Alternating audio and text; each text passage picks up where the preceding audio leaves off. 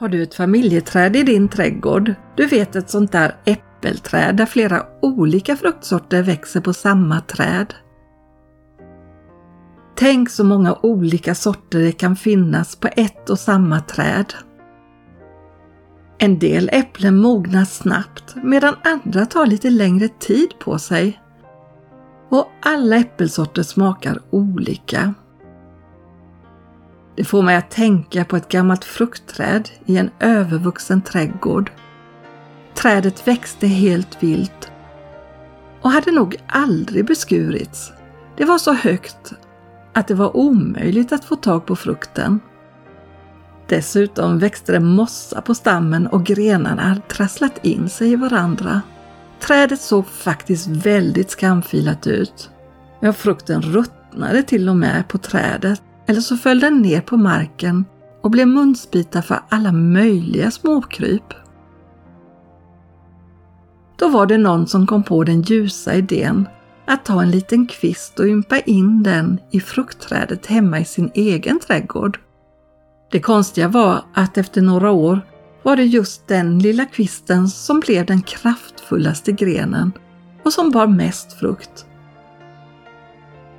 Det här med att skapa familjeträd är ganska populärt. En del broderar tavlor där alla släktingarnas namn hänger och dinglar på grenarna. Andra vill lära sig mer om sitt ursprung och låter därför DNA-testa sig. Du kanske är en av dem. Tänk om du hittar kungar eller andra förnäma personer bland dina förfäder.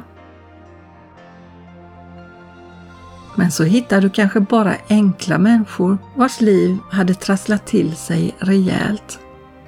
Det är generationer av sorger och bedrövelser och pinsamheter. Ja, när du tänker efter så är du ganska missnöjd med den behandling du fick av dina egna föräldrar när du var barn. Du är helt övertygad om att tidigare generationer bär skulden för hur de agerade gentemot dig. Och istället för att brodera ett släktträd börjar du sticka på din offerkofta. Och så kommer dagdrömmarna. Tänk om jag hade blivit född på en helt annan plats. Ja, då hade mitt liv sett annorlunda ut. Eller tänk om jag hade fötts in i en helt annan familj. Tänk om. Eller så hittar du tusen olika orsaker till att du själv inte kan förändra ditt liv. Du är övertygad om att med en sån bakgrund som du har så är det inte konstigt att det inte blir något av dig. Vet du om att det är en lögn? Alla familjer har sina familjehemligheter oavsett vem som hänger i familjeträdet och dinglar. Så du är inte unik på den punkten. Men nu ska du få höra lite om det familjeträd som Jesus tillhörde här på jorden. En hette Rahab och var prostituerad, en annan Jakob som lurade både sin far och sin bror och sin svärfar. Kung David diktade salmer ena dagen och nästa dag förförde han hustrun till en av hans krigare.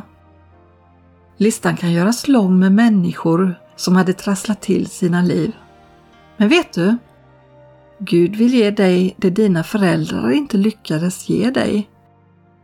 Jesus vill kalla dig sin syster eller bror. I Bibeln finns en metafor som handlar om att bli inympad i ett äkta olivträd och få del av den näringsrika roten. I det trädet är det inte grenarna som bär trädet utan roten. Och i det familjeträdet hittar du Abraham, den gamla patriarken. Gud lovar att alla jordens folk skulle bli välsignade i honom. Olivträdets rötter växer på djupet och hämtar vatten från Guds outsinliga källa. Och Guds andes DNA segrar över ditt genetiska DNA. I Bibeln står det om någon är i Kristus är han en ny skapelse. Det gamla är förbi. Något nytt har kommit. Och allt kommer från Gud som har försonat oss med sig själv genom Kristus. och gett oss försoningens tjänst. Gud var i Kristus och försonade världen med sig själv. Han tillräknar inte människorna deras överträdelser.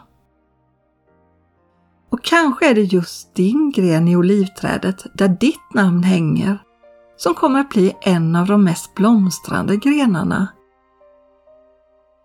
Din bakgrund bestämmer inte din framtid, för Gud har en plan för ditt liv och han har tid att vänta på frukten. I have a friend who loves me as I am. He is my Lord, my shepherd, I his lamb. I have a friend who wants the best for me. He knows my soul and sees all I can be. He came to show us how to came with so much love to give.